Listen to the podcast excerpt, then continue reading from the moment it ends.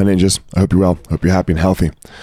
Um, man, so this week we've been talking a lot about emotions and feelings. Uh, the first day or Tuesday, yeah, it was Tuesday. It was, you know, that they they they, they don't define you. Like they don't put possession to your feelings. Yesterday we talked about what actually does define you. What are these things that you will call definitions of you? Who are you? Today I'm gonna um, look at the the neg not the negative side, but the the side that if you don't do what's called a check-in with yourself, ask yourself, how am I? How am I feeling?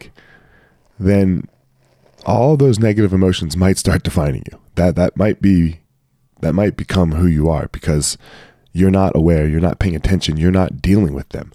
Now, they might not be the only emotions that are there. These check-ins that we do, um, they they're positive and negative. They're just putting awareness and thoughts, and it puts your mind on how you're feeling. I'm feeling happy because my relationship with my wife is going really well. I'm feeling very proud because my kids are doing a great job in being humans in the world. They are also really enjoying their sports, so I'm feeling very proud.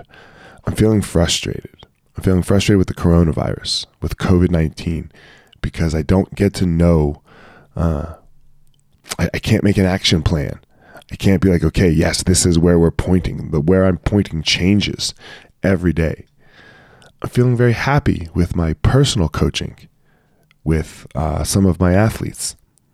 And I'm feeling very sad that I am no longer the coach of Elevation Fight Team, the head coach of Elevation Fight Team. I'm not coaching the team anymore. And, you know, that, that does leave a void. That was an example of a check in. It puts awareness on my feelings happiness, sadness, frustration, anger, whatever, whatever they may be so that they don't ever end up defining me, so that they can just be there. I know they're there. I get to address them now and find my power.